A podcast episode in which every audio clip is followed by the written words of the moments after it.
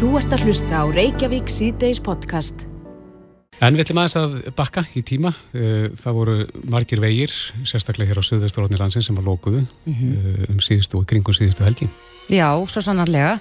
Og eh, við töluðum nú við innveðar á þeirra hér í vikunni þar sem hann, ég sagði það að svona ætti ekki að gerast aftur. Mm -hmm. Og auðvitað, hafði, þetta drefur auðvitað dilko eftir sem ég held að flugfélagin hafi staðið í ströngu undanfartan daga við það að reyna að koma fólki til síns heima. Já. En samhliða þessu hefur umræðanum um hraðlest eða lestarsamgöngur á milli Reykjavíkur og Keflavíkur mm -hmm. verið ansi hávær það er nú bara eiginlega frekar uh, spauilegt að opna Twitter þessa dagana því það snýst allt um lestarsamgöngur Já, það var eitt hlustandi sem að sendi okkur stílabóð sem að sagði að við ættum að taka upp svona lestar eins og eru í, í Kanada sem að fara í gegnum nánast hvaða skap sem er mm -hmm. En eh, við erum með tvo góða menn á línu í dag. Það er mhm. annars vegar hann Runolfur Ágússon, stjórnarmæður í fluglestinni Þróunarfélagi og svo hann Njál Trausta Friðbergsson, þingmann sjálfstæðisflokksins og nefndarmann í umhverfis og uh, samgöngu nefnd þingsins. Komiði sælir báðu til. Já, sælur þið. Ef við byrjum að þér Runolfur, uh, lest, uh, umræðum lest sprettur alltaf upp aftur og aftur og sérstaklega núna í tengslum við þessar lokanir. Finnur þú fyrir þessum þunga í umræðinni? Já, ég er búin að fá bísna marga pósna á undarfalla daga. Það er auðvitað þannig að eh, þegar svona aðstöðu skapast eins og gerðist þarna sem að eh, hérna, samgöngur opnar umvölulega milli alltíða flugvallarins og höfðborgarinnar þá horfum við neðilega á aðra valkosti og umræðum hraðlegst milli Vassmýrar og Keflaugaflugvallar er alltaf búin að vera í gangi í líklega einn tíu ár, alltaf ekki um tíu ár síðan við byrjum að, að, að skoða þessa vinnum Uh, við höfum gætnan borðið okkur saman og hort til uh, Oslovar í þessu samingi þar sem að fluttóett sem er að vísu frekar úrælt lest og teknum 30 ára gömul mm -hmm.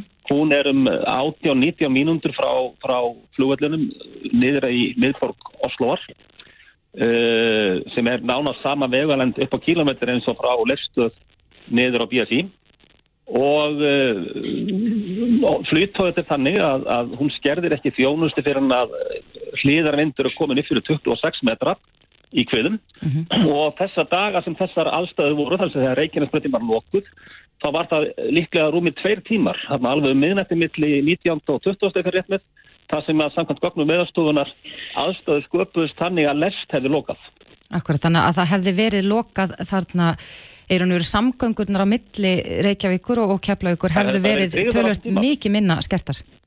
Já, það er að segja það hefur náttúrulega verið óskertar og það má segja að lest sé hvað smertir eh, veðurfar að þá myndi bæði flugvöldurinn og Reykjanesbröðin loka á undan lestinni mm -hmm. En, en kostnæðilega séð, hefur kostnæður eitthvað breyst eða kostnæður áallanir? Sko, við erum núna með alltaf ekki með 5 ára gamla kostnaráðlanir og ég geti trúa því svona uppbreykt með, með gengi og verðlag þá myndu þær kannski standi ykkur um 150 miljardum eða svo fyrir þessa framkvæmt. Við reiknum á sínum tíma og fórum og rettum í fjárfæsta.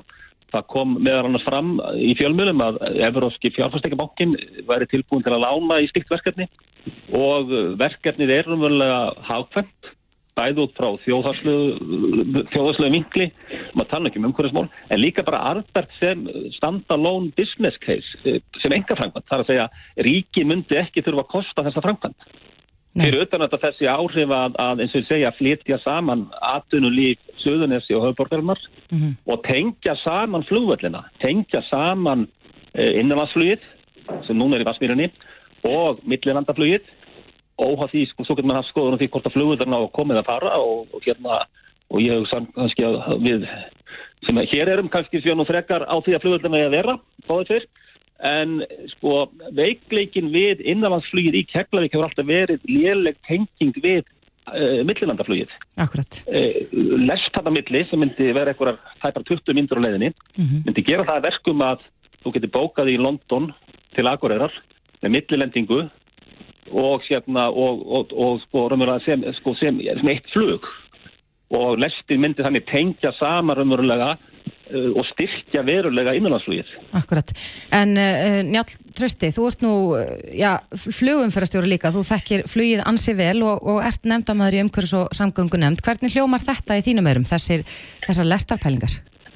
Já og almennt hefur nú bara haft mikið áhuga mitt á samgöngumálum það er nú eru og ég fylgdi svolítið með þessar umræði með þarna fyrir 5-6 árum og þegar þessar hugmyndi voru sem mest á lofti með uh, lesta millir Reykjavíkur og Keflavíkur og var aðeins að skoða þetta með einmitt uh, Gardimóin Oslo og, og þá sögu með flítóið mm -hmm. það reyndir ótrúið þetta er 19-20 ár síðan að flugullin fórum til Gardimóin þetta líður allt mjög rætt en, en uh, þar var fjárfæstingin afskrifuð bara á fyrstu árunum að fullu og rekstra tekjurnar það er, það er svona höfðu að, að duga fyrir svona daglegum rekstra útgjöldum en fjárfæstingi sem slíka sín tíma var, var bara afskrifuð af, af því máli. Og þá var mann líka að hugsa sko það búið nú 2 miljónir á stór Oslo sæðinu og, og vellurum var þá þenn tíma með eitthvað 25 miljónir farþeða þannig að hann er miklu, allt miklu svona starra í sniðum og, og, og hérna náttúrulega mikið já, svona allt, allt starra og það, menn sá ekki ekstra rekstur í þessu dæmi þá og Þannig ég er nú svona verið mjög skeptískur á þetta og ég held að sem einnig að annars er verður kannski að huga fyrsta eins og, eins og verður kannski eðlast að fara í sundabröðuna fyrst af öllu held ég í Íslandi í, í samtöðu þessi mál og höfusæðinu en það verða náttúrulega einhverjir sem þekkir mun betur en ég varandi þessa lest. En, en þetta slóman svolítið þegar maður fóna að kynna sér þessa, þetta, þetta svona tíma og, og þá var nú einn uh, profesorn í Íslandi sem ég þekki ágætlega og hann var nú að benda og þá mann ég að Facebooka Vantalega væri kostnæðurinn að byggja á sín tíma gardimóðun lestina eða flítóið niður til Osloar var ekkur í 350 miljardar sem að þeir 50 kilometrar kostuður og kalla sama hugmynd í lengt og um, það er að tala um keflaði Reykjavík og, uh, og svipaði í jargöngum og alltaf og svipa í, í tölfræðinni og svo náttúrulega er yngir lestar innviðir á Íslandi þannig að náttúrulega tölvöld óhagraði í því að vera ekki mennina neitt lestakerfi þar fyrir utan. Nei, Rúnólfur, er, er þetta eh, rétt hjá njáli? Er þetta dæmi sem að gengur ekki upp? Það er auðvitað alls ekki rétt og njálega þetta er hérna sko ruggla saman tveimur hlutum þar sem ofinbjörnum fjárfæstingum annars þar sem hafa vissulega tilhaugu til þess að fara fram á ráðlunum og enga framkvæmt og enga fjárfæstingu hins vegar. Það sem að fjárfæstar einfallega taka þá áhættu sem þarf til að byggja og reka svona fyrirbliði Uh, það er vissulega rétt að, að, að flýttótið Gardebo sem var ofinbæra framkvæmt fór verulega fram á ráðallur og líklega tvöfald, það er maður rétt. Og það lendum henni miklu remmingum sérstaklega í gánagerðinni uh, sem að voru verið að fara með í göng og, og þau urðu gríðarlega dýr og það er kannski sá þáttur sem að við kunnum best í, í þess svona framkvæmtum og þekkjum best. En uh, það má líka líka benda á það að, að Arlanda Esprex sem var raunverulega enga framkvæmt á sínum tíma, hún, þar stóðust áallanir og þar voru verðin allt önnur og miklu læri og þetta eru þekktar tölur og í sjálfum sér sko stærsta áhættan í svona frangmænt liggur í jargangna gerðinni og það er kannski þá þáttur sem við þekkjum best.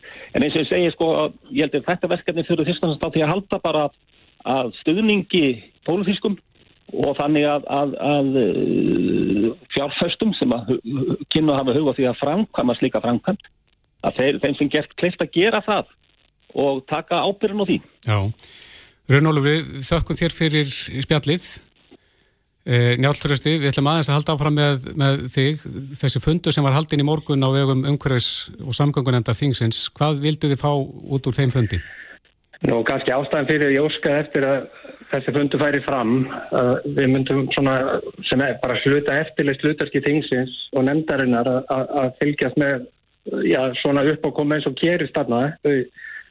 Bísna alvarlegt og, og fljóðsamgöngu til og frá landinu falla niður og, og við vildum náttúrulega bara að fá nánari hvað var þá komið fram á þessum tímapunkti uh, í þessu máli og þetta lítur allt svona uh, hann það búið að skipa nefnd og hún á að fara í gegnum þetta og klára þetta einu mánuði að fara í gegnum og við fáum að fylgjast vel með þeirri vinnu í umhverju sangugunendinni mm -hmm. Og uh, En, en það sem að svona tilfinningin hefur verið og, og kannski var eitthvað leiti rætt í morgun að mestu erfileikarnir verið það verið þarna við, við mislaðu gatnamótin Grindavíku vegi og, og Reykjanesbröðarinn og síðan aftur frá fyrtjum upp á flugvellinum, það sem er hringtorkin eru, mm -hmm. að þar hafi verið eins og maður búin að heyra í það í, í samtölum að þar hafi skapast svona mestu erfileikarnir að það hefði ekki verið vel reynsað frá þeim og, og, og þar hafi mestu vandraðin verið að tækja á tól og menn hafi kannski ekki verið skóaðir tækjalega til þess að, að geta sint í almennu sengsun gatna, á gatnamótanum og þau söfnuðu miklu sagt í ringtorki miklu snjó uh, þar. Þannig að, að þetta er svona í grunninn. En auðvitað snýst þetta um bara að flugvöldurinn var opinn allan tíman og þannig að það var, var veðurfastlega var allt í góðu þar að vélarna hefði getað farið og komið og, og, og allt gengi bara eðlulega fyrir sig. Akkurat. en, en þarna verðist vera mestarvaldi og þetta er svo sem ekki meiri vindræði sínismanni þar sem að sjá þegar maður var að fylgjast með þessu vindræði á kepplækjuflugvöldi að þetta er að gangi yfir að, að þetta eru gamlu kannski tíu vindstíðin þegar mest leti í, í kviðum. Er svona 40-50 nútar sem að voru að blása upp á vellinum og síðan kannski millir 30 og 40 í Reykjavík og kemst náttúrulega opinn. En mesta veðri var og snjóasöfnum verið það verið sér ringtork og það er það sem það kannski að skýra bara svona hvernig að standa að því verklagi. En í stóru myndin er bara hvernig menn alltaf vera með þetta verklag. Allir þeirra aðeins að koma að þessu málum og hver á að taka ábyrða perju og ábyrða keðjan í þessu samengi en þess að við þurfum náttúrulega að forðast það þetta er, þetta er gríðarlegt tjón fyrir samfélagi og náttúrulega við komum til flugreikendur eins og þetta lítur út núna Mhm. Og svo veltir maður bara fyrir sér í hátteginu það, það er ekki komið fram. Það verður áhugast að vita vegna þess að, að, að flugfélagin gáttu flógið Akkurat, hann sagði það. sínu. Og hefðu getað bara flógið á landi. En vandamálið var að flugfærtæðinni voru fastir út af öðrum málum sko. Akkurat, hann sagði það öðrum við okkur, hann, hann Bói Níls Bóðarsson, fórstjóra Æslandir, að, að þau hef, hefðu ekki þurft að aflýsa einu einasta flugi Nei, eh, nema vegna þess að Reykjanesbrautin var lokuð. En verður Mm. sem sagt farið rækilega í sauman á því, hvað hefði átt að gera í þessum aðstæðum vegna þess að augljóslega var eitthvað sem fór úrskiðis? Já, já, ég, ég held að menn taki þetta mjög alvarlega og við erum náttúrulega uh, þið sjáum hérna gríðalega fjölda og hvað flugið eru stórt, hvað ferðarþjónstunum er stór þetta er stór hlut okkar landsframleitt og gældur ekki þjóðurinnar, við bara lifum orðið að þessu á þessu á, á stóru leiti og með að við spátnar á næstu árum og hvernig við sjáum fyrir okkur fjölda og þróast og allar hennar bílalegu skara Mm sem er kannski 20-25 bílar í dag og við erum 35.000 myndi ég gíska á eftir kannski 7-10 ár. Að við þurfum einhver megin að vera með betri áallanir um hvernig svona viðbærs áallanir og, og, og regluverki bara eh, svona hvernig þetta áallan að þannig að þetta verður ekki fyrsta verið sem við erum að lendi í núna þetta er bara breyttu veruleiki líka held ég í bara út frá umfæðan magninu allir þessi bílalögu bílar sem eru kannski ekki best búnu eða, eða stæðstu bílar sem kera um vegi landsins og, og við þurfum virkilega að læra á þessu þess að mína grunnsendir að, að þetta tjón fyrir samfélagi að mæli ekki 20 miljón, ekki 100 miljóna ég myndi freka að segja að þetta færum alltaf við miljard miskundi. -hmm. Einn spurning kannski vegna þess að þú Já. talaður þetta áðan líka um, um sko tjón flugreikendana. Er, er einhver möguleik á því að, að já, flugfélögin munir hreinlega að krefja ríkið um bætur fyrir það að eh, vegurinn hafi lokað og, og með þessu, þessum snjóbolta sem síðan kemur á eftir? Ég ætla ekki að, sko, ég er nú ekki lögfræða mentaður en, en þetta, ég var nú bara, ég var ekki búin að heyra þetta með að Bói hefði talað, Bói Nils já, Æslandi hefði talað um þetta með þessum hætti en, en ég finnst þetta bara áhugavert það sem að flugvalla kerfið var bara í fulli virkni og allt var að virka en, og þeir gáttu farið uh, Play og Æslandir og öllu seljendur flugfélög flóið til og frá landinu en það var eitthvað annað sem brást í keðjunni. Sem sagt, þess er þetta finnst mér mjög áhugavert. Ég held að séu örugglega mjög margi sem, mörgum sem finnst þetta áhugavert staða sem kemur upp sem er svolítið óþægt Akkurat. En það þarf kannski líka njál trösti að skoða þetta í breyðu samhengi, ekki bara Reykjanesbreytina, það voru Já, já. lokuð ná- nánast allir vegir hérna á söðutorfni landsins. Já, og það er það sem ég, í, í, í, í, þegar ég bað um fundin á þriðjudaginn, það var ég náttúrulega að tala líka um alla stoppbrautina, stoppvegina út úr, frá Reykjavík, hellisegðina og aust, austurum og, og svo Reykjanesbrautina og Kja- Kjalarnesið og Vesturlandsvegina þetta. En, en auðvitað kannski uh, var þetta svona mest ábyrjandi þetta umræðinum að bara, bara þetta stóra mál og, og sérstaklega með, með hérna uh, keflaðið flugur. Þannig að Þannig að náðu svolítið svona aðteklinn í þetta skipti en þetta snýst þetta bara um alla þessar alla þessar vegi, stoppvegi út frá Reykjavík og þessar gríðalug breytingar sem er að verða í byggðinni og fólki býr hérna á stærra svæði, stærra efnusvæði þannig að, að, að það þarf eitthvað meina ná utan um þetta með svolítið öðrum hætti kannski sem við höfum gert á þau, umferðarmagni er náttúrulega er að aukast gríðalega mikið og þegar við sjáum kannski að eins og ég heyrði tölu að uh, að kyrðum kílómetrum í Íslandi í dag þá eru bílalegu bíluna kannski með um 20% af umferðinni. Og, og, og þetta er bara vaksandi og við þurfum að aðalega að hugsa þetta aðeins hvernig við ætlum að, að, að taka stáði þetta svona, þegar, í, í næsta skell og, og þeir munu koma á næsta árum. Einmitt, Njál Trösti Friðbergsson, þingmaður Sjálfstæðarflokksins og nefndamaður í umhverjus og samgöngunemnd þingsins. Kæra þakki fyrir þetta. Takk, takk. Eitt umtalaðasta málið, Reykjavík eh, podcast. bara þessu ári er þetta svo kallað hriðjuverka mál en þetta, já, var á allra vörum hér fyrir stuttu síðan. En í dag barst fréttir af því að, að tveir karlmenn á þrítusaldri þurfa ekki að sæta gæsluvarhaldri vegna eh, gruns um að hafa skipulagt hriðverk.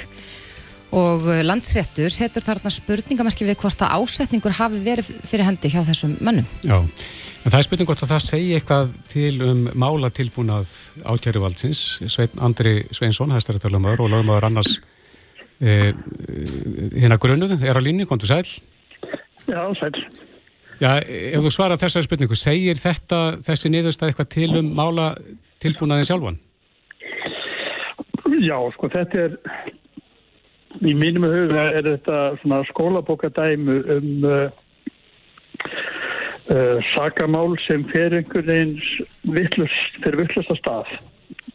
Það er, við höfum oft upplifað það svona verjendur sem komum að, að málum að við sjáum að, að eh, í, í upphafi að þá sko takmarkamenn rannsóknina og mikið. Þar að segja að e, þá verður til í, upphás, í upphásferðlunum þá verður til einhver kenning og, og í kjölfar þess að e, kenningin er komin sem einhverjum ástæðum eru svona e, kannski vilja hoppa á eða eru hryfnir af að þá gengur rannsóknin út af það í staðin fyrir að, að e, halda öllum möguleikum opnum og skoða máli með, með, með á, út frá öllum hliðum að þá verður til svona rör sína máli og rör sínin er svo að það gengur allt út af það að e, e, sína fram á eða staðfesta upphaflegu kenningur Mm Það, það, það, það, að mínum að þetta mál klassísta, er að fara þessi klassísku mistök að lauruglan eh, hopna var að fljóta á sér að, að draga álíktanir af þeim gögnum sem þeir höfðu í handunum og allar hans og mál sem sefur með að því að, að, að síðan eftirleiðis að, að sanna þessa uppvarlegu kenningu lauruglunar. Akkurat. En, en eh, þarna fóru, fóru lauruglan fóru mínum að þetta fram á sjálfum sér. Já, við, við fylgdust auðvitað með fréttum á sínum tíma og þetta þótti mjög ógnæðilegt þessi, þessi bladamannafundur sem haldin var í kjölfar já, handtöku og uh, gríðarlega mikið magna vopnum og, og já, kannski almenningur skilur ekki alveg já, hvers vegna menn sangað sér vopnum og, og já, eru ákærðir. Það þarf nú eitthvað til þess að, að þið gefin sér út ákæra í slíkum málum. Já, þarna, þarna eru út af þessari sem ég er að nefna, þessari rörsýn, hún leiði til þess að, að sakvorningar er ekki að njóta neins vafa og ég myndi, var að mynda að hamra mikið á því greinleikir minni til landsettar að minnumgjönda var ekki að samkaða sín einu vopnum. Uh, hann var vissulega að, að búa til vopn og framlega byssur með þrývetafrættum. Hann við játa þau vopnarlega brott en, en þær byssur, þeir riflar sem lögreglan hefur talað um að hann hafi samkað að sér það eru bara byssur sem voru í eigu föðurans. Þeir deildu heimilu og þarna voru þessi þrý riflar í læstum skáp skráður af föðurans. Mhm. Þetta kallar lögreglan það að hann sé að samkað sér riflum. Þannig að þetta, ég held að landsettur hafi nú séð í gegnum þetta. Þetta var ekki alveg sko í bóði. En það vil líka komið fram í fréttum, já, það vil líka komið fram í fréttum sveitin Andri að, að þeir rættu þessi meintu illvirki sína milli svona dölkóðuðu spjallforiti. Segir, segir það okkur eitthvað að þeir hafi spjallað Nei, saman venjulega á, á öðrum stað en illvirkin eh, undir dölkóðuðum merkjum? Því, já, því var nefnilega alls ekki að hilsa. Þetta er nefnilega eina af þessum villandi framsetningum hjá lauruglu. Vegna þess að því töluðu bara um, um daginn og veginn alltaf á signal. Þessu dulkóða samskiptaforrið eins og það kallað. En það var ekki dulkóðar en svo að bara við það að lauruglan fekk síman afhendan þessi, eh, mínum undir þetta, að þá var bara forritið galopið. Það þurfti ekki, það þurfti bara einu sem þurfti að gera var bara að opna síman með, með hefðbundu líkilorði þar var bara þetta samskipta forrið alveg jafn galopið og messenger. Og stillingarna voru ekki með þeim hætti að, að textin rugglaðist eða textin hyrfi eins og þetta forrið býður upp á. Þannig að þetta var bara alveg eins og hérna, já, Gallup og Messenger, er bara, þetta er bara mjög algengt að menn, menn fólk, yngra fólki sérstaklega notar þetta, þetta signal samskipt og forrið frekar en Messengerin, en, en að tala um þetta sem eitthvað svona dölkóðað lind og spæ og forrið, sko, það er náttúrulega bara þvægla, sko, það er bara úvillandi fremsetning. En, en þú, þú ert verjandi annars mannsins og nú hefur landsreittu komist að þeir niðurstuð að þeir þurfa ekki að sæta gæsluvaraldi. Er þeir, er þeir gangaðir lausir núna, mennitin tveir? Já, já, þeir sem sé bara gangalausir hafa, hafa gett það síðan í síðustu viku sem betur fyrir og það er uh, og þetta er þetta þannig að það sem þeir eru sakar um, það er annars vegar minn maður er sakar um að tilraun uh, tilraun að brot, það er að segja að hafa verið að undibúa hriðverk og, og hinn er að uh, sakar um, um hlutil til því broti.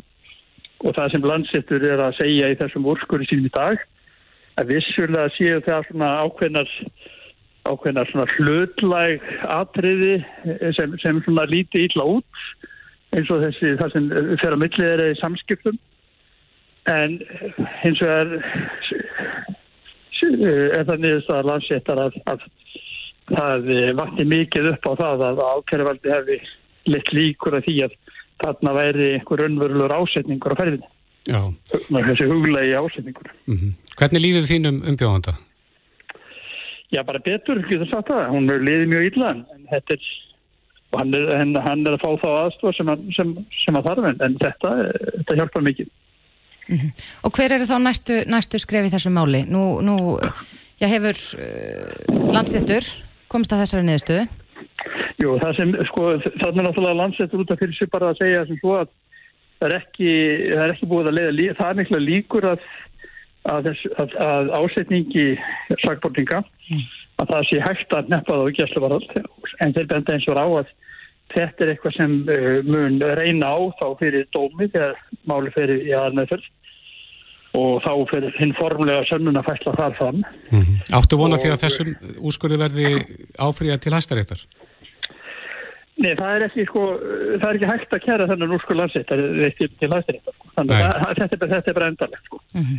Og uh, það sem gerir bara næst er það að, að málið, sakamáli sjálft, það heldur bara áfram í hérastómi og á meðaganga sakborningarlausir. Og af því að þeir gangarlausir þá uh, gengur málið sko áfram með svona hefðbundum hraða, getur sagt vegna þess að þegar sakborningar eru í gæslu þá eru mál þeirra fyrir dómi í algjörum forgangi til þess að takmarka þann tíma sem þeir eru í gæsluvaraldi á, á, á undangengin stóms mm. og, og það er svona það sem er það framöndan að vantilega mun dómar er bóða til fyrirtökur í málunni í januar og, og verðindu fá frest til að skila greinækjörð og svo verður settur á tíma eitthvað tíman hvað, mars kannski eitthvað svoleiðis fyrir, fyrir aðalveg fyrir máls mm -hmm. þannig að þetta er svona verður hefðbundið og hægara tempo. Já, en, en Sveitnandri, frá þínum bæjardyrum séð já, þú talar á þann um, um sko, ákveðna rörsín hjá já. yfirvöldum eða hjá, hjá lauruglunni við rannsókn á já. málinu að, að já, ekkert annað hafi komið til greina en að, en að þetta væri þeirra ásetningur en, en, en hvers vegna en maður bara velti því fyrir sér hvers vegna, vill lauruglan ekki bara sjá af sér og, og, og já, viðurkenna einhver mistök og, og ítir þessu máli áfram með þessum hætti eða hvað? Já, það væri þetta, kostur í stöðinu fyrir hérðarsvarsum eða bara taka þessu, þessari niðurstöðu landsettar sem, sem skýrir vísbendingum það, það, það ætti raunverulega fella niður þennan þátt málsins sem lítur þessum ætluðu hriðverkum og og raunverulega bara bakka út með, bakka út með þetta, maður sér þetta sko, þegar tala um þessa rörsýn og sér maður þetta þótt í gögnum málsins. Það er verið að sko laurallan er þráfallega við skýslutökur að, að leggja mönnum orði í munn og, og bara beilinis fullir það við sagborninga að, að, að hinn og þessi tilvika sem er verið að skoða eitthvað á netinu, það sé bara þar með sér það gefið að þeir hafi verið að undirbúa hriðaverk þannig að e, lauruglan gekk mjög langt í því að þjarma að sagborningum og reyna að afvega leið og einhvern veginn bara telja þeim trú sjálfum að þeir hafi verið að undirbúa hriðverk og haft þann ásetning. Þannig þetta maður verður, maður verður bara eins og Danir segir alveg fór básett að stundum að lesa þessar skýrslutökur yfir, yfir, yfir þeim hjá lörglunni. Sko. Já, Sveit Andri Sveinsson, hæstar rétt alveg maður, kærar þakki fyrir þetta og gleðilega háttið. Takk einhver, gleðilega háttið sem leðis. Takk. Vertu með í umræðinni. Reykjavík síðdeis á bylgjunni. Bylgjan. Bylgjan. Jóladagskráin þetta árið verður einstaklega glæsileg á bylgjunni. Jólin er að koma. Ásennin að mun á aðfakaðasmorgun heyri fólki víða um heim og kanna jólastemmingu landans. Vala Eiríks tekur við svo eftir hátægisvettir með hvernig eru jólin hjá þér fram til klukkan 16. En þá tekur Ívar Guðmundsson við, spilar uppáhalds jólalögin þín þar til jólaháttíðin verður hringdi. Á jóladag byrjum við svo daginn með Heimi Kalsíni sem spjalla við hagfræðingin Kristrúnu Frostadóttur sem að skaust fram í sviðsljósið á þessu ári. Eftir hátægisvettir á jóladag fáum við jólatónleika sem Bilgjan og Ramagna færð okkur með Björgvinni Haldósinni og börnum hans. Og svo er það Bræði Guðmunds og klukkan 16 er það svo fyrsta jólalægið. Þar tekur Ívar Guðmundsson á móti Klöru Elias, Bjarnar Ara, Birgisteini og Röggu Gísla. Á öðrum degi jóla er það svo Pétur Valmundar sem sér um ykkur að mótni til og jólahelgin með Braga Guðmunds tekur við eftir hátegi. Pál Sævar mætir svo með Hammingistum þjóðarinnar klukkan 16 á öðrum degi jóla. Ekki missa af ótrúleiri jóladagskrá hér á Bilgunni. Njóttu jólana með okkur. Gleðilegu Bilgjujól. Google Pixel fæst á símar.is Viltu skemmtilega matarauðblifun á aðvöldunni? Kondu við í gróðurhúsinu hveragerði en þar má finna sérstakann jólamatsiðil alla daga í mathöllinni fram að jólum. Þetta er Reykjavík síðdeis podcast. Áframhældu við í Reykjavík síðdeis og nú ætlum við að reyna að svara spurningunni hvað kostar að halda jól? Þetta er stór spurning og örgulega erfitt að, að setja einhvern svona ákveðin verðmið á þetta en, en eh, já, þessu ári höfum við þetta að tala mikið um verðhækkanir víða hvort sem það er sko matvara eða eldsneiti eða hvað sem er en, en bara núna eh, fyrir klukkustund síðar eða svo, síðan eða svo þá byrti verðlags eftirlit ASI niðurstu úr, könnun sem að þau gerðu vanandi jólamatinn og, og verðið á jólamatnum er að hækka hressilega á milli ára. En uh, þegar allt kemur til alls, þegar maður er búin að kaupa meðlætið og matinn og, og jafnvel hendur jólagjöfum þannig inn í og bara það sem að, að, að já, svona vennilega fjölskylda eður í jólinn. Já, allir pakkin. Já. Auður Alfa Ólafsdóttir, verkefnastjóri verðlags eftirlits ASI er komin, velkomin. Takk. Getur farið aðeins yfir helstu niðurstöður úr þessari könnun ykkar? Já, uh, við erum sérst að sjá að verða á jólamati er að hækka mjög mikið að milla ára og svona meira en við höfum verið að sjá já, síðustu ár. Uh, það er þannig að 20% vara sem er að lækka í verði en 80% að hækka í verði og þessar verðhækkari eru mjög miklar, veist, þannig að það er mjög stór hluti vara sem er að hækka, þú veist, yfir 10%. Uh, við erum að sjá þarna Já, í 90% tilfella uh, er matvara að hækka um 5-10%, í 18% tilfella um 10-15% og svo þannig í 17% tilfella er matvara að hækka yfir 20%. Uh, þannig að þetta er já, ansið stór hluti var sem er að hækka þannig mjög mikið í verði. Mm En hvað er að hækka mest vegna þess að ja, jólamatur eru þetta svolítið vitt hugtak? Mm Já, uh, þetta er auðvitað, hérna, inn í þessu er auðvitað, þú veist, það er jólakjötið og konfekt og salgæti og hérna, og þurfur og dósamatur það svona meira, þú veist, við erum með orragrænar bönir og, og hérna, ostarnir eru svona hátíðarostar og svona, þú veist, þannig að það svona segið jólamatur. Um, en það er kjötið sem er að hækka eh, langmest á milli ára, en það hefur kjöt almennt hækkað mjög mikið e, í verði.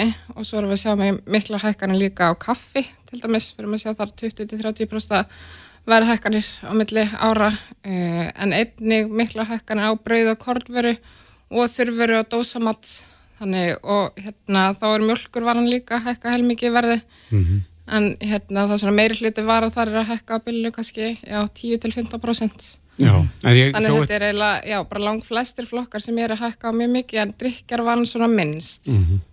Ég hjó eftir því að þú sagðir að 20% varana er að lækka. já, Hvað lækkar? Um, það er raun og verið þú veist, einhverja vöru sem að lækka í verði í öllum vöruflokkum uh, en hérna það er stæðstur hluti sagt í vöruflokki græmmetis og ávaksta, þar er stæðstur hlutin sem að hérna uh, lækkar í verði eða 35% vara Uh, en aftur á móti er líka þó nokkur hluti sem að hækkar tölvært mikið í verði en eins og við vitum þá eru mestar sveplur á verði í grammiti eða á grammiti og ávöxtum um, þannig, hérna, þannig að það hefur þetta áhrif Mm -hmm. Er mönur eftir verslunum?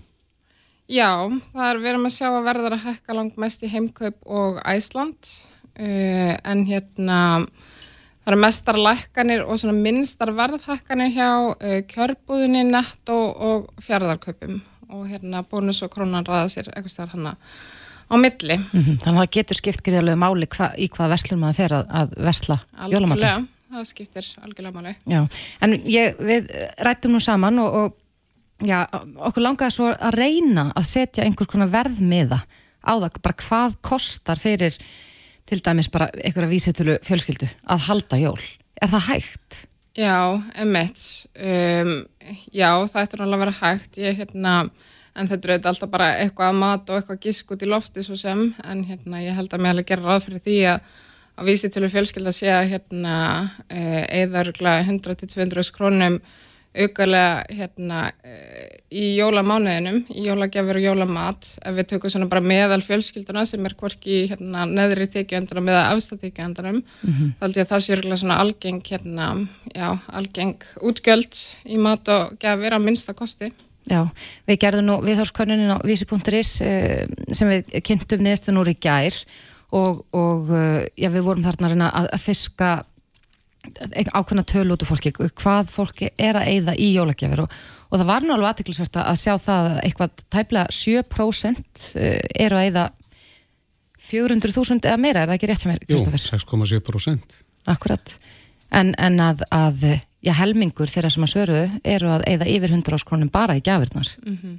Já, mitt Já, þetta getur alveg verið herra og svo er, er maður þá ekki að taka inn í, það eru þetta margir sem er að lefa sér að fara tónleika og hérna, veitinga og svo sem gera þetta almennt bara velvísi í þessu mánu, mm -hmm. þannig að þetta getur kostnarinn verið ansið mikið herri, en það er þetta líka tölverð stór hluti fólk sem að, hérna, hefur ekki efni á svona miklum auka útgjöldum því miður.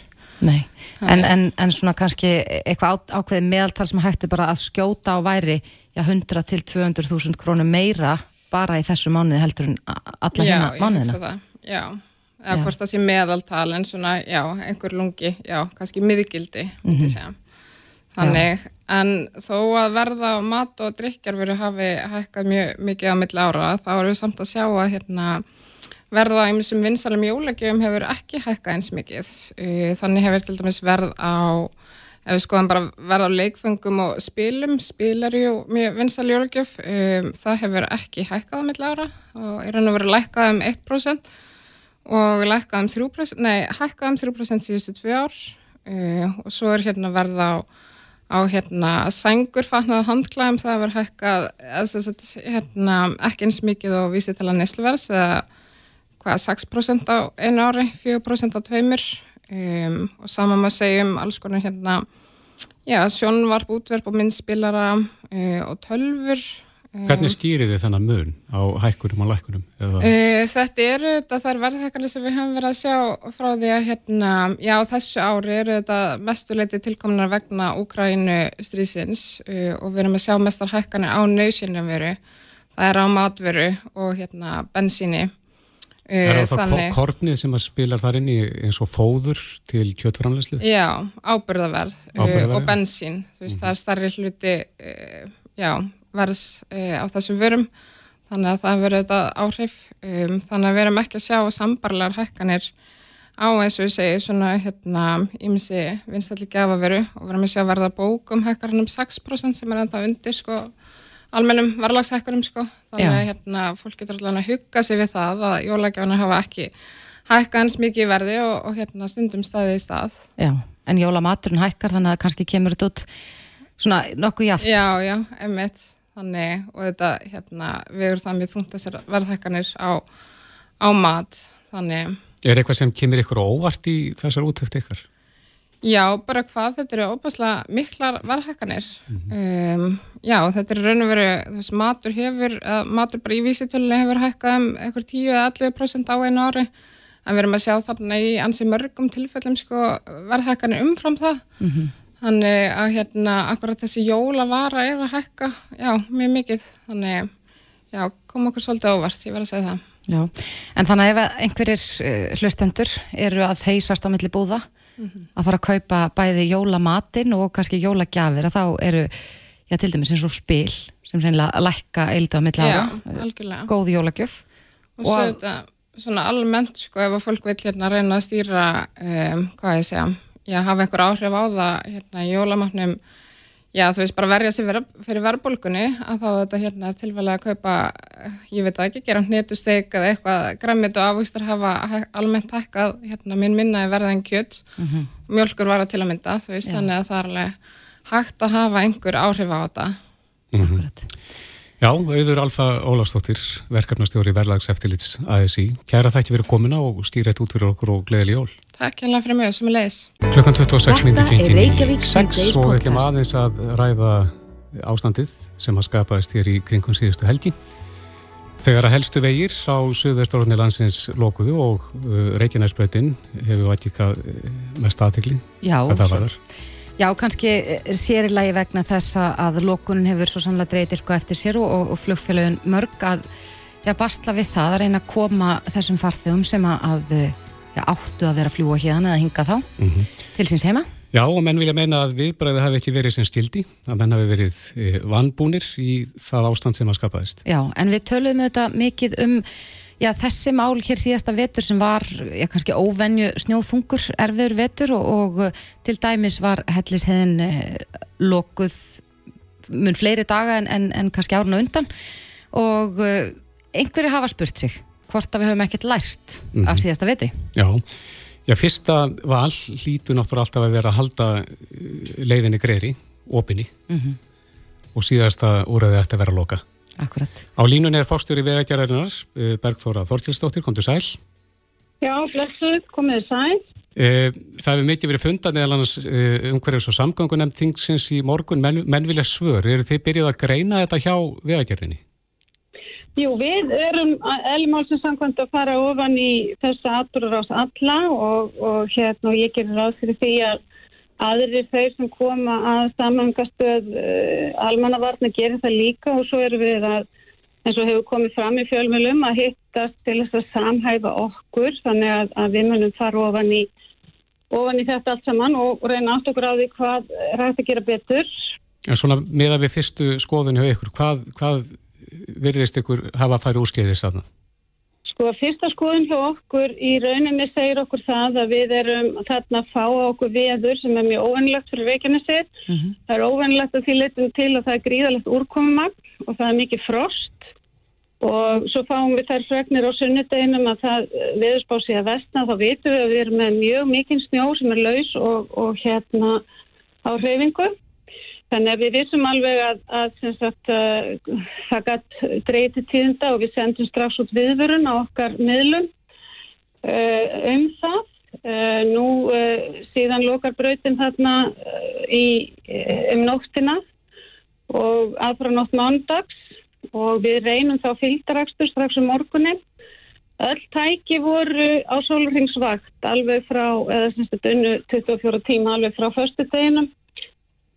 Uh, Það var fylgdarakstur þarna út á völl alveg frá því klukkan 6 um morgunin því var hægt klukkan halv 10 þá var veðurorðið þannig að, að bílar voru að festast bara í eða sem styrir bara vandræði í röðinni. En það er Eh, líka spurt, já Bergþóra, eru, eru, rá, hafið þið verið að ráða og fáum tækjum?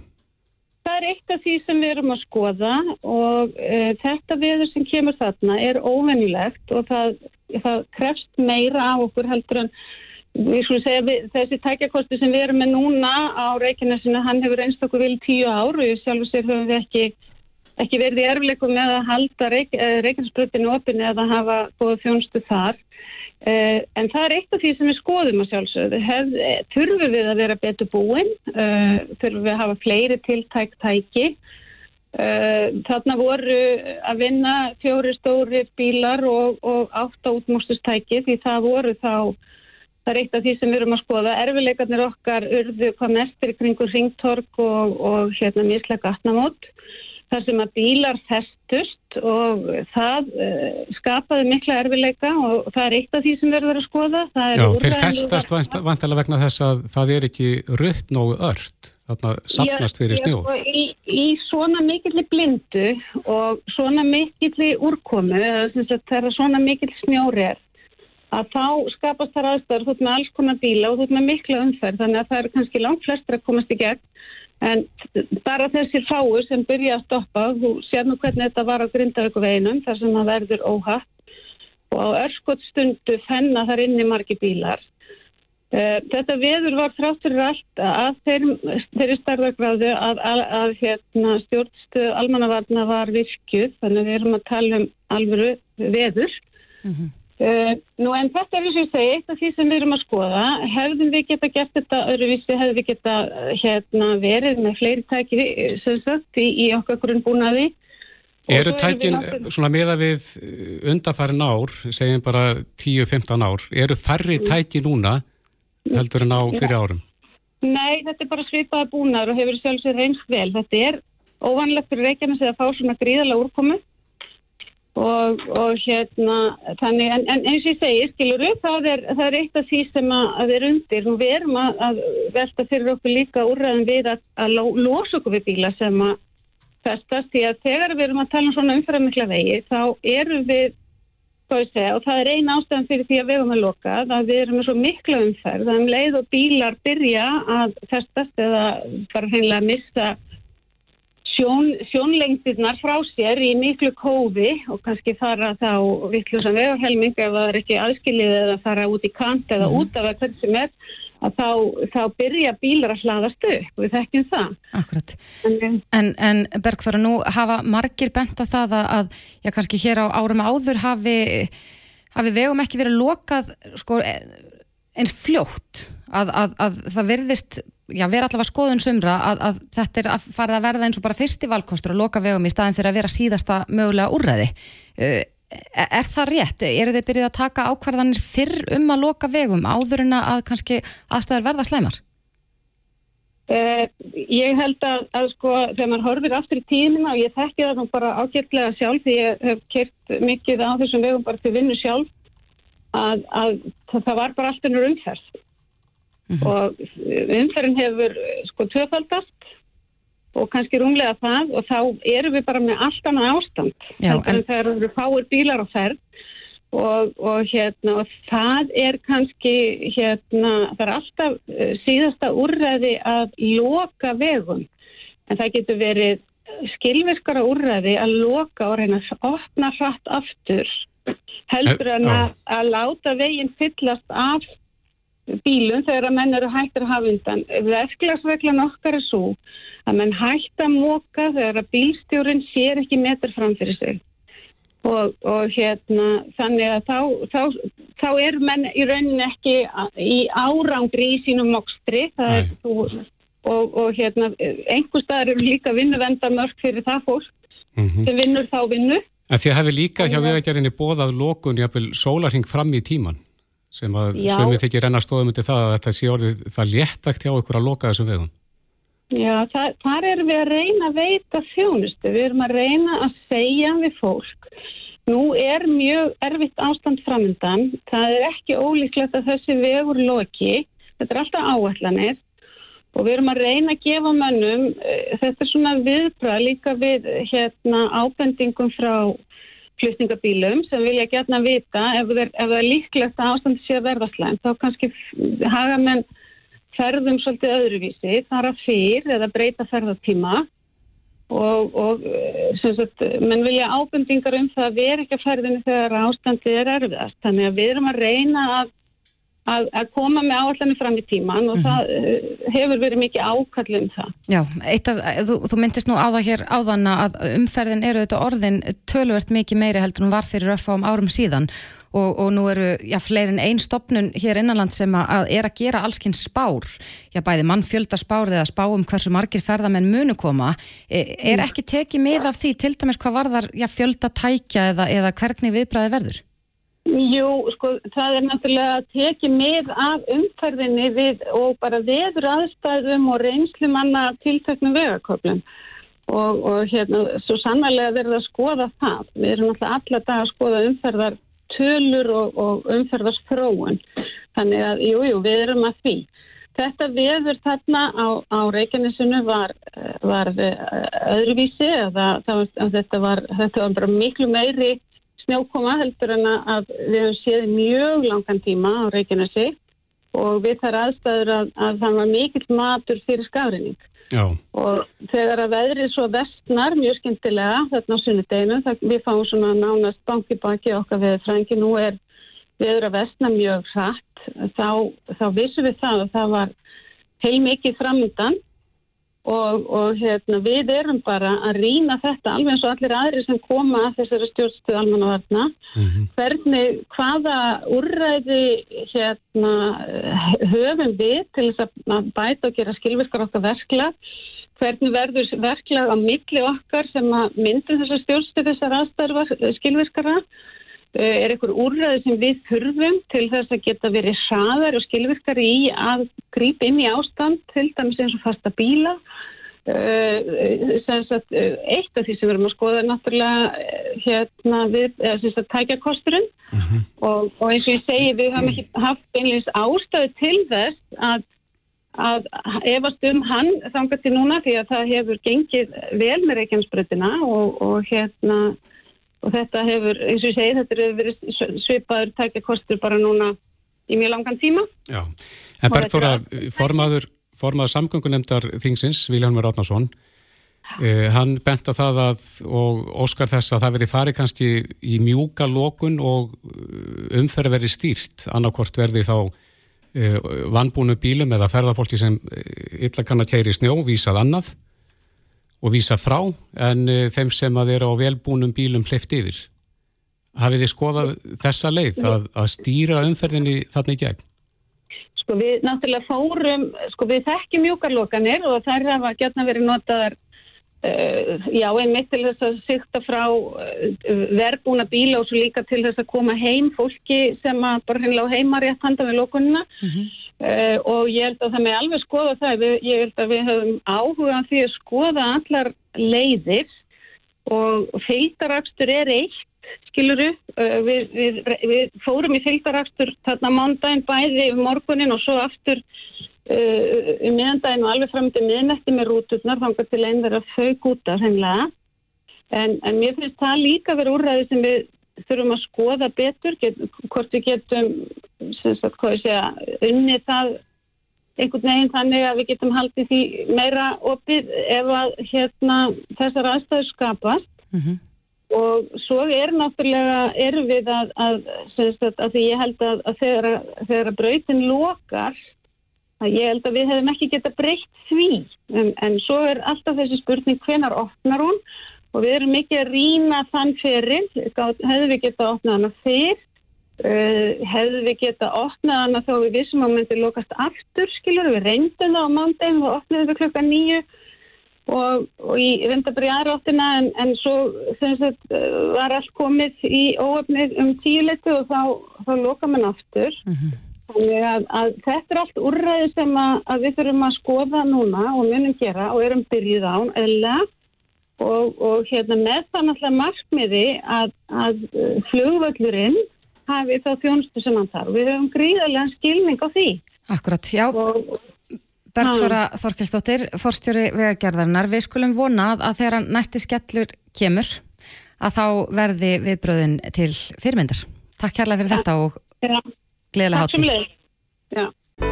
Reykjavík síðdeis á Bilginni podcast. Tveir dagar til jóla. Já, það eru, já núna eru akkurat 48 klukkustundir og 13 mínútur í að kirkju klukkurnar uh, klingja. Já, til að hafa þetta nákvæmt. Já. En alltaf sem margir sem eru ennþá í vandrað með hvað þeir að kaupa í jólagjöf? Ég held að það séu allavega nokkrir, jafnvel þó nokkrir, mm. hér á árum áður voru við þetta gjörna það að versla bara jólagjafnar á þorlagsmessu sem er á morgun. Já.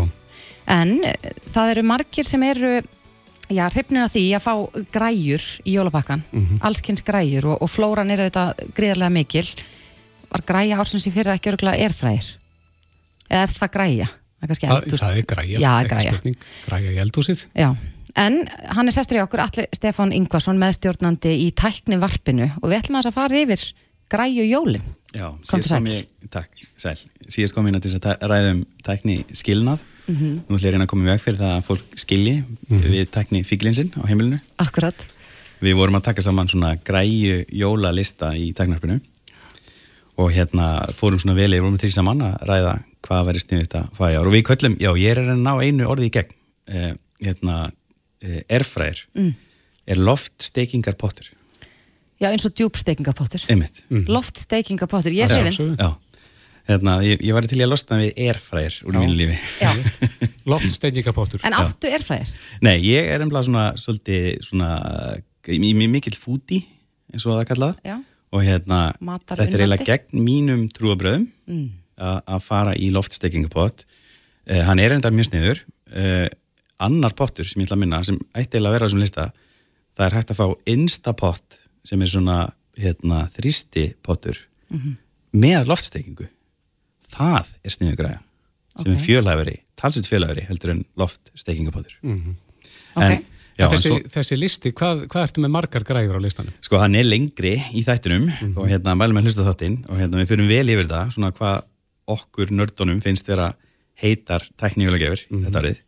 Eh, svona, eh, við byrjum að tala um þrálega sternatól, það komu ný Sony XM5 hernatól út í ár sem er eh, gömul hernatól, þetta er sagt 15 kynslan af hernatólum sem búin að gangi núna í 8 ára og þetta var nýtt útlitt og hérna ennþá betri hljóð einagrunn og okkur langar eiginlega öllum í þau sérstaklega þess að ég á fyrstu kynsluðuna og, og hún er með mikro-USB en nýjast er með USB-C og ég er að reyna að komast inn í USB-C líf þannig að það sé allt laðið með sama haustnum Já.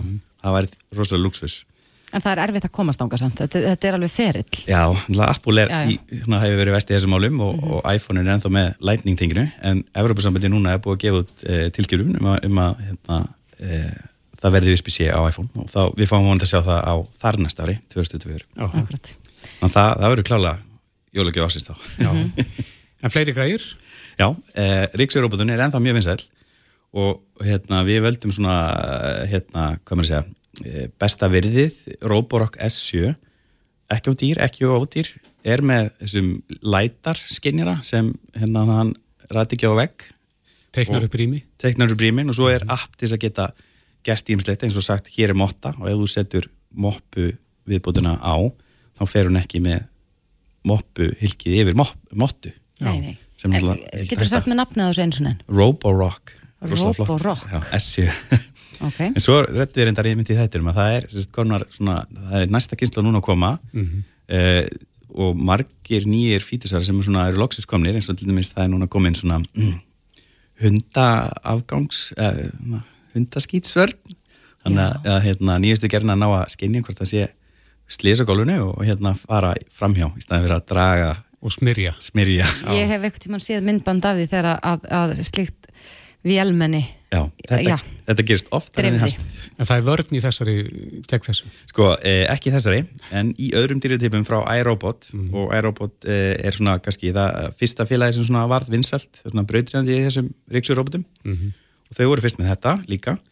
Um, svo eru komnir eh, robotar sem geta kert eh, inn í, inn í svona aðra ríksu, svona stand Já. og tæmt sig og eru þá með svona stærra, hvað maður segja, eh, rík Rík, stærri ríkkassa til þess að tæma litla ríkkassan Ok. þannig að hann er fleiri ferðum á þess að þú þurfur að tæma sem er náttúrulega frekar mikið vesen því að ég á Roborock S6 og maður þarf alltaf að tæma þetta litla hilki en þarna í rauninni getur hann tæmt sér sjálfur Sniðugt. sem er mjög sniðut En næsta græðan á listanum, hver er hún? Heru, Við erum að tala um Sonos Roam sem er svona ferðaháttalar frá Sonos Sonos eru þekkt fyrir svona fjölherbyggja háttalarkerfi mm Mhm. þar sem maður getur synga mörg herbyggi saman og spila í mismund herbyggjum með öllum herbyggjum á sama tíma eh, og þarna ertu komið með svona eh, lítinn eh, batterís hérna, hátalar sem er skvettu heldur Já. getur farið mér í ferðlög Í eða bara pall, eða út í pottin margir hafa mist hann út í pottin hann lifði það afvist Ok. segja nokkrir, mjög skemmtileg græða uh, Maxif Battery Pack það er eina af mínum, mínum kaupum sem ég kom mjög óvart. Það er svona batteri sem smellist með seglum aftan á iPhone og hérna hliður síman Svona þráðlust. Já, og hérna er með lightning tengi sem er ekki farið og hérna getur, þú getur hlaðið það á sama tíma á iPhone-inu þú setur í leslu. Já, Þetta er svona neyðabatteri fyrir mér já, og hjálpa mér mjög mikið. það er mjög gott að, að, að eiga slíkt. Algjörlega. Og svo er eitt svona mjög nördalegt, það er Luna Display kupur. Uh, Luna Display er svona pínlítill USB eða USB-C kupur uh, hérna sem þú getur stungið í, í tölvu og breytið þá í aukaskjá og þetta, þú getur líka gert þetta á iPadum. Þannig að segjum að þú stið vinna með fartölu og væri til í að vera með aukaskjá og þetta vinna heima, getur þú smelt þessum kupi í og þá er iPadin orðin aukaskjá og það getur þú kannski með Outlook á þeim skjá. Já, með vinnur. sniðugt. Þannig að fyrir fólk sem er kannski ekki með marga tölvuskjáfa heima en er vant í að, að vera í vinnunni kannski með fleiri en einn. Já, einmitt. einmitt. Hvað heitir þessi kuppur? Luna Display, mjög skemmtilegt. Já, og ég nota þetta mjög reglulega sjálfur en þetta er innbyggt núna í uh, MacBook og, og hérna iMac fyrir, sérst, þú mátt og iPad komið svona universe control þá getur þú fært liklaborðið og músina hérna á milli tölva já, þannig að þú getur henni, þú ert ekki nota sem skjá heldur bara aðra tölvu með sama liklaborð og mús sniðugt. mjög sniðt Nördalegt en sniðugt. Já, svolítið nördalegt. og svo eru fleiri græður hérna sem hérna, okkur þóttu skemmtilegar eins og AirTag hérna, hvað maður að segja, staðsynningakumanir Mhm. frá Frá Apple. Já, frá Apple sem seldist upp í sumar þegar Áslu Arna hérna, talaði um hún að keft svona fyrir ferðartöskunni sínar Já. og, hérna, og gætt þá fylgst bara með næst í rautíma hvar, það er nú ekki alveg þannig en gætt fylgst með ferðartöskunni sinni, fara með til landa. Mhm. eh, og hérna eh, snjallperur í lit mjög vinslæður hjá börnum sem hafa ákváða tekni Já. þannig geta það að fara að fykta og forrita og leik sem í liti. Mjög Er skemmtilegt. það Philips Hue eða fleiri Sko það eru, eru marga tegundir. Og hérna ég er sjálfur í Philips Hue heimnum en það er bara fullt til og ótrýra gerðir og, og svo er IKEA líka Já, inn og þetta er svo, þetta er svo sko, einföld leið til þess að gera eitthvað mjög skemmtilegt, sérstaklega fyrir börn að bara vera með raukt ljósin í herbygginu sinu getur bara verið alveg frábært. Já, saman Er fleira á listanum sem þú vilt segja okkur frá? Sko það sem mér langaði mér langaði langaði svona hérna öryggiskerfi eh, sem er, væri ekki öðrunni þá frá einhverjum aðla sem ég borga áskrift en það er komið svona frekar mikið af svona do it yourself eh, öryggiskerfum og eitt af þeim er NetAtmo eh, Smart Security heitir þetta Mhm. og það er sem sagt svona stautur sem er myndavel sem er með andlisgreiningu þannig að hann veit hvort að magiðin var að koma heim eða börnin var að koma heim eða ekki magiðin var að koma heim sem er Já, já. eiginlega merkilegra getur skinja barnangrátur og, og hérna uh, gælt í hundum, uh, brot á gleri uh, sem sagt með ljóðnema sem er ánum Mhm. svo getur þú bætt við skinnirum fyrir hurða eða glugga og sírinu það er eiginlega svona, svona kjarnasetti sem ég myndi vilja fá Já, þetta er NetAtmo. Já, Ég má nú til með að benda líka á úkrænska tjærfið Ajax. Já, það er mjög fint. Já, hefur komið vel út. Já, komið mjög vel út. En þetta byrjar þá sem dyrabjalla og svo getur þú bætt við og þá er þetta orðið bara öryggiskerfi fyrir allt heimilið, eða hvað? Já, sko, þessi er í rauninni svona myndavill, öryggismyndavill í rauninni, það er Já. það fyrst sem köpir og svo er þetta byggja alveg hlaðutur um það. En það má líka benda á það að e, Google Home, fyrir þá sem eru með það, að það getur líka hlustað eftir þessum hljóðum eins og gelti og e, brothljóðum og slíku. Já, Og og iPhone og, og Android, símar. Já. Þar, já, ok. Já, ég, er, ég hef nú alveg sagt frá því að ég er með, með sko, minnst snjallasta heimili heims líklegt. En þetta eru alls konar gjafir sem við fórum yfir, bæði heimilistæki og bara innan leiklakipur nánast. Já, og vonandi hefur þetta hjálpað ykkurum sem er í stökust og andrað með að gefa tækja fíklinum á heimilinu. Já, en við auðvitað bendum á það að, að hlaðvarpstátturinn er, er með ítarlegri lista. Mhm. En Alli Stefán Ingvarsson með stjórnandi í tæknivarpinu. Kæra þakki fyrir komuna og gleðilega hátíð. Já, gleðilega hátíð, takk fyrir mig.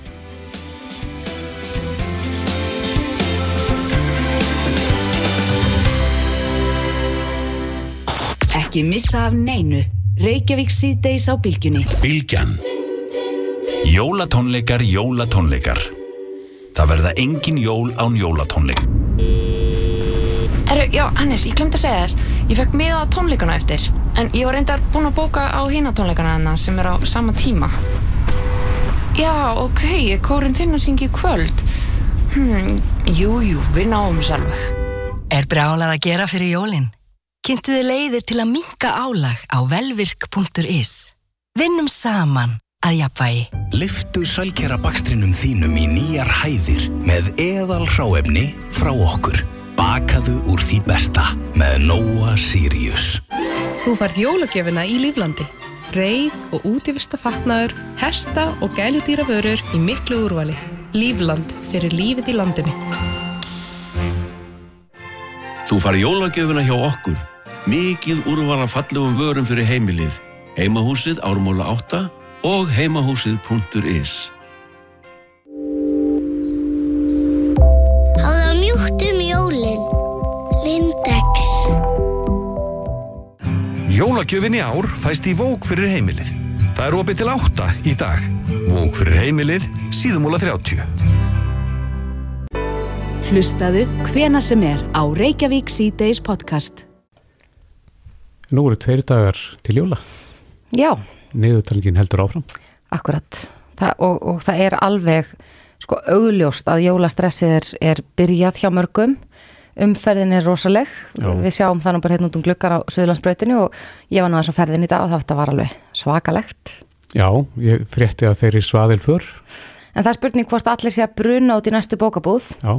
Til þess að næla sér í jólabókina Já, eða ættu, bækurnar já, nú ættu þessi listar að vera nokkuð klárir fyrir stóru stundina. Já, hún kom til okkur um daginn, hún Bryndís Lofsdóttir hjá Mhm. félagi Íslenskra bóka útgjöfanda og við töluðum um svarta, hvað kalluðu þetta?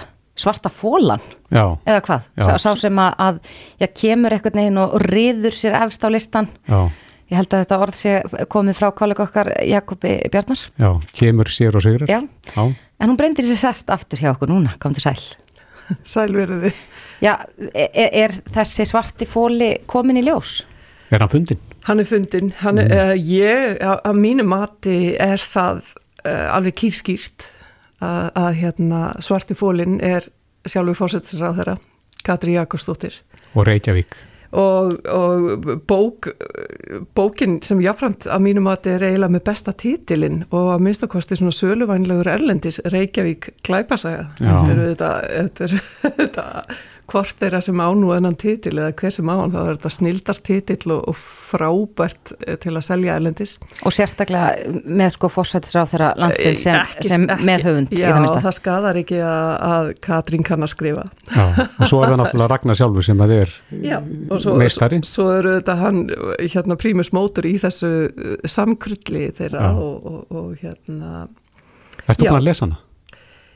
Ég er búin að lesa 151. blaðsíðunar já. Já, lofar góðu.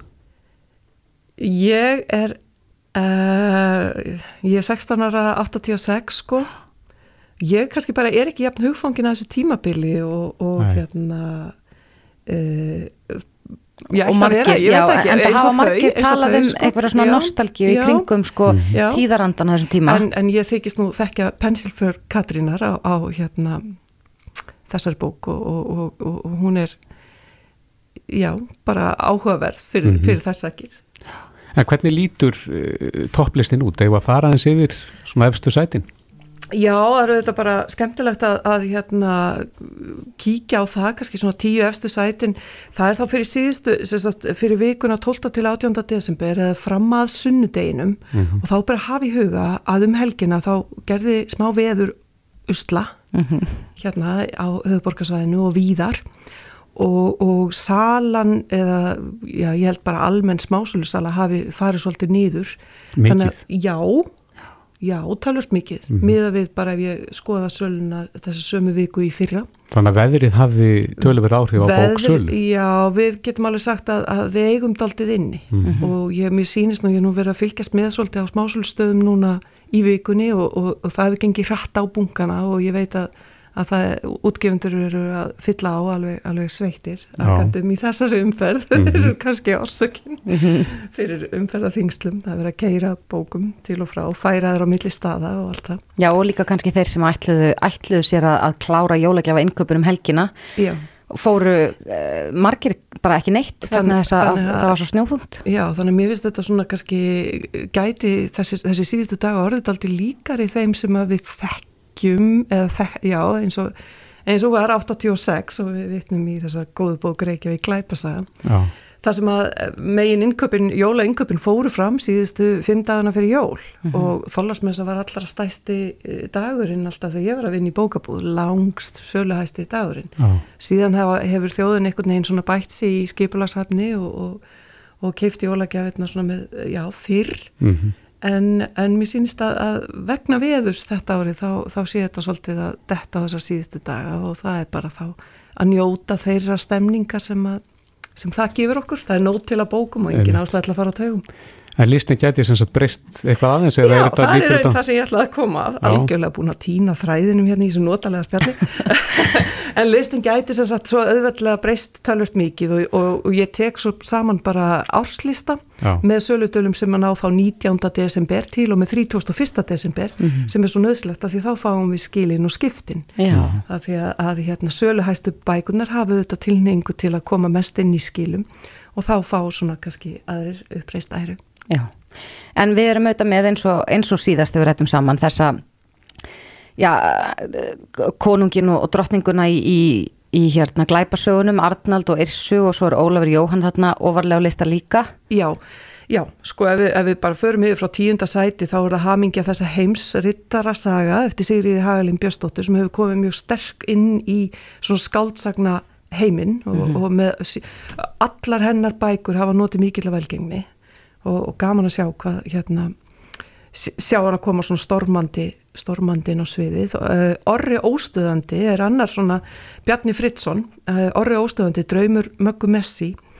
Hann er svona sjálfstæður einirkja útgefandi sem hefur bara verið að gera mjög góða hluti með, með hérna svona unglingabókum Eden, auðar öfu Ólafsdóttur er í áttundasæti og, og er þá sko næst efst af þessum skáldverkalista ef við tölum um ekki glæpasögur heldur fagabókmyndir en, en glæpasögur hafa, eru mjög ábyrrandi þetta árið. Í sjöndasæti er Hungur Stefáns Mána Mhm. og ég held að ég fari rétt með að hún sé áriðin uppselt hjá útgefanda en er til í einhverju magni í bókabúðum viðsveðurum bæinn. Mhm. Og þykir svona kannski með hrottalegri bókum, hrottalegri glæpasögum þetta árið. Nú svo er það Alexander Daniel Hermann Davidsson bannað að ljúa eftir Gunnar Helgason sem að hérna er nú, hérna, þekki nú toppsætin mjög vel. Það er nú tekið aðeins á ADHD. Já, það er tekið á ADHD, já. Já, Alexander Daniel Hermann Já. Davidsson, já, já, já, ég er að fatta þetta nú. Já, þetta, hann gerir þetta með mjög skemmtilegum hætti hann Mhm. lipur penni á Gunnar Helgason, gaman á hann. Útkall, 29. útkallsbókin, SOS, erum á lífi. Mér líku við að segja að þetta sé í 29. sæti sem þessi bók er svona ofalega á lista. Mhm. Af því að þetta er svona bara fastur líður. Mhm. Uh, Óttar Sveinsson er að gera mjög vel með þessum bókaflokk og ég held að enginn geti gert tilkall til annars eins útkall, uh, úthalds eins og útkallsbækurnar. Akkurat. Úthald, útkall, ég hvet bílstjóra landsins til að velta þessum tungubrjóta á, á hérna, milli sín. Uh, í fjórðasæti er Issa Sigurðardóttir Gættu þinna handa, Mhm. glæpasaga og í þriðasæti er Ólafi Jóhann Ólafsson með játningu og hann er jáfnframt, uh, það er svo, svo svona f- skáldsaga fagur bókmynda sem, a, sem að best hefur gert það fyrir þessi jól. Öðru sæti er það Kyrþei, Arnalds, Arnalds Indriðasonar og svo Reykjavík Glæpasaga, Ragnars Jónassonar og fórsetisraðara. Í fyrsta sæti. Í fyrsta sæti.